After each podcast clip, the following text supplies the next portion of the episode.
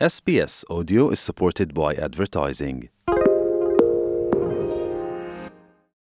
Vi ste uz SBS na Srpskom. Detinstvo se obično smatra za bezbrižno vreme, period života bez odgovornosti i stresa.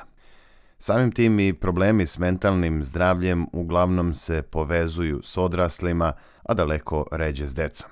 Ali šta ako su ovakve pretpostavke pogrešne, pa čak i štetne. Upravo na to ukazuje dobrotvorna organizacija za mentalno zdravlje dece Kids Express, čiji osnivač i izvršni direktor Margo Ward kaže da u Australiji postoji nedostatak svesti o mentalnom zdravlju dece we ran a survey which uh, surveyed over 1600. Prošle godine smo sproveli anketu koja je obuhvatila više od 1600 odraslih osoba širom Australije. Otkrili smo da svaki treći roditelj nije u stanju da sa sigurnošću prepozna znake da bi njihova deca mogla da imaju problema sa mentalnim zdravljem. To saznanje bilo je prilično iznenađenje, kaže Ward.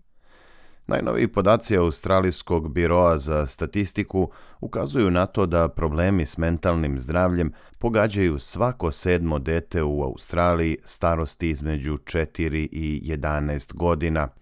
S druge strane, blizu polovine svih zabeleženih problema javlja se pre 14. godine. Međutim, samo 25% dece s dijagnozom mentalnog poremećaja dobija i stručnu podršku, što je najniža stopa u celokupnoj australijskoj populaciji. Margo Ward iz organizacije Kids Express kaže da ako se problemi mentalnog zdravlja ne rešavaju u detinstvu i ranoj mladosti, lako mogu da prerastu u izazove za ceo život. Ward kaže da je od kritičnog značaja da se na mentalno zdravlje dece gleda ne samo u smislu rane intervencije, već i kao na strategiju prevencije u svim starosnim dobima i kao na mentalno zdravlje ljudi u celini. Poznato je da ako ne uočavamo probleme mentalnog zdravlja kod dece, To može dovesti do depresije, anksioznosti, čak i posttraumatskog stresnog poremećaja tokom njihovog odrastanja u mlade ljude. Zato je od ključne važnosti da intervenišemo što je premoguće. Zato je izuzetno značajno i znati odgovor na pitanje kako možemo utvrditi da li se dete suočava sa određenim problemima. Dr. Jan Perks je psihijatar za decu i adolescente na Univerzitetu Novog Južnog Velsa i u organizaciji Mreža dečjih bolnica Sidneja. On kaže da jedan od signala može biti poremećaj spavanja kod dece. So the signs might include, for instance, uh, difficulty Znakovi problema s mentalnim zdravljem mogu da budu ako dete ima problem da zaspi ili ako ujutro ne može da se probudi. Također promene u ishrani, poremećaj apetita, promene u ponašanju u vezi sa školom ili lošiji uspeh deteta u školi. Ukoliko se dete ili adolescent uplaše redovnog odlaska u školu više nego što biste očekivali ili više nego što je bio slučaj ranije, to može biti znak da ta mlada osoba ima određenih poteškoća s emocijama, kaže dr. Perks. Prema podacima ABS-a, oko 70% najčešćih slučajeva u pedijatrijskoj praksi povezano je sa mentalnim zdravljem. Također utvrđeno je da prvih 2000 dana života deteta, odnosno oko 5,5 godina, predstavlja kritičan period. Zdravstvene intervencije tokom tog doba mogu dovesti do značajnih poboljšanja u ranim životnim iskustvima, kao i u zdravlju i razvoju deteta. Tony Fitzgerald je menadžer odeljenja za virtuelne usluge službe Kids Helpline za pomoć deci.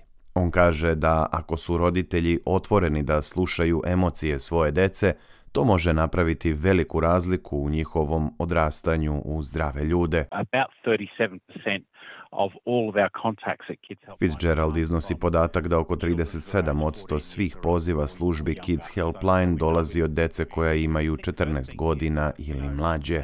On smatra da je prva stvar koja treba da se uradi, da se stvori prostor za razgovor, kao i da se deca saslušaju, kako bismo pokušali da otkrijemo šta im se zapravo dešava. Ako je roditelj zaista zabrinut, treba da se obrati zdravstvenom radniku, koji može pomoći da se istraže neki od načina dobijanja podrške, bilo da je to poseta psihologu ili psihijatru, ili neki drugi vid podrške. Podaci Biroa za statistiku koji pokazuju koliko dece u Australiji pati od problema mentalnog zdravlja datiraju iz 2013. 2014. Dakle, od pre 10 godina. Tony Fitzgerald veruje da bi isto takvo istraživanje pokazalo da su danas problemi utvrđeni kod mnogo više dece nego tada. Through whatever determinants there are, whether it's social media, Fitzgerald kaže da je zabeležen porast broja slučajeva mentalnih oboljenja i da danas postoji mnogo više različitih uticaja, bilo da su to društvene mreže ili neka druga vrsta uticaja unutar zajednice koji pogađaju mentalno zdravlje mladih. Verovatno je zapravo reč o kombinaciji brojnih faktora. On naglašava i da je sada teže odrastati kao dete i mlada osoba, jer postoji čitav niz faktora koji utiču na njihovo zdravlje i dobrobit. To je nešto čega treba da budemo svesni, jer u poređenju sa vremenom od pre recimo 10 godina uočili smo porast ovih problema. Dečiji psihijatar dr. Jan Perks kaže i da je potrebno mnogo više ulaganja od strane države kako bi se poboljšale mogućnosti za podršku deci, kako u školama, tako i u opštim društvenim okvirima.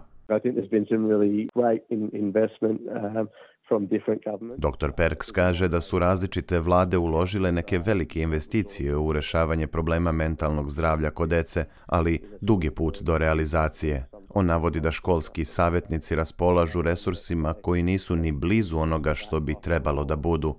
Za početak oni su obično u školama nekoliko dana nedeljno, a neretko je svaki naredni dan prisutan drugi savjetnik. Ako bi to bila stalna pozicija sa punim radnim vremenom u istoj školi, napravili bismo veliki napredak. Također, postoji i istraživanje koje testira efikasnost opcija online lečenja za decu s mentalnim poremećajima, jer to je stalni izazov koji zahteva dodatna ulaganja, kaže dr. Perks. Ukoliko je vama ili nekome koga poznajete potrebna podrška, pozovite službu Lifeline na broj telefona 13 11 14 ili dečiju pomoć Kids Helpline na 1800 55 1800. Autorka ovog priloga je Kiara Hein iz informativne redakcije SBS-a. Vi slušate program na srpskom. Ja sam Branko Cvetojević. Želite da čujete još priča poput ove? Slušajte nas na Apple Podcast, Google Podcast, Spotify ili odakle god slušate podcast.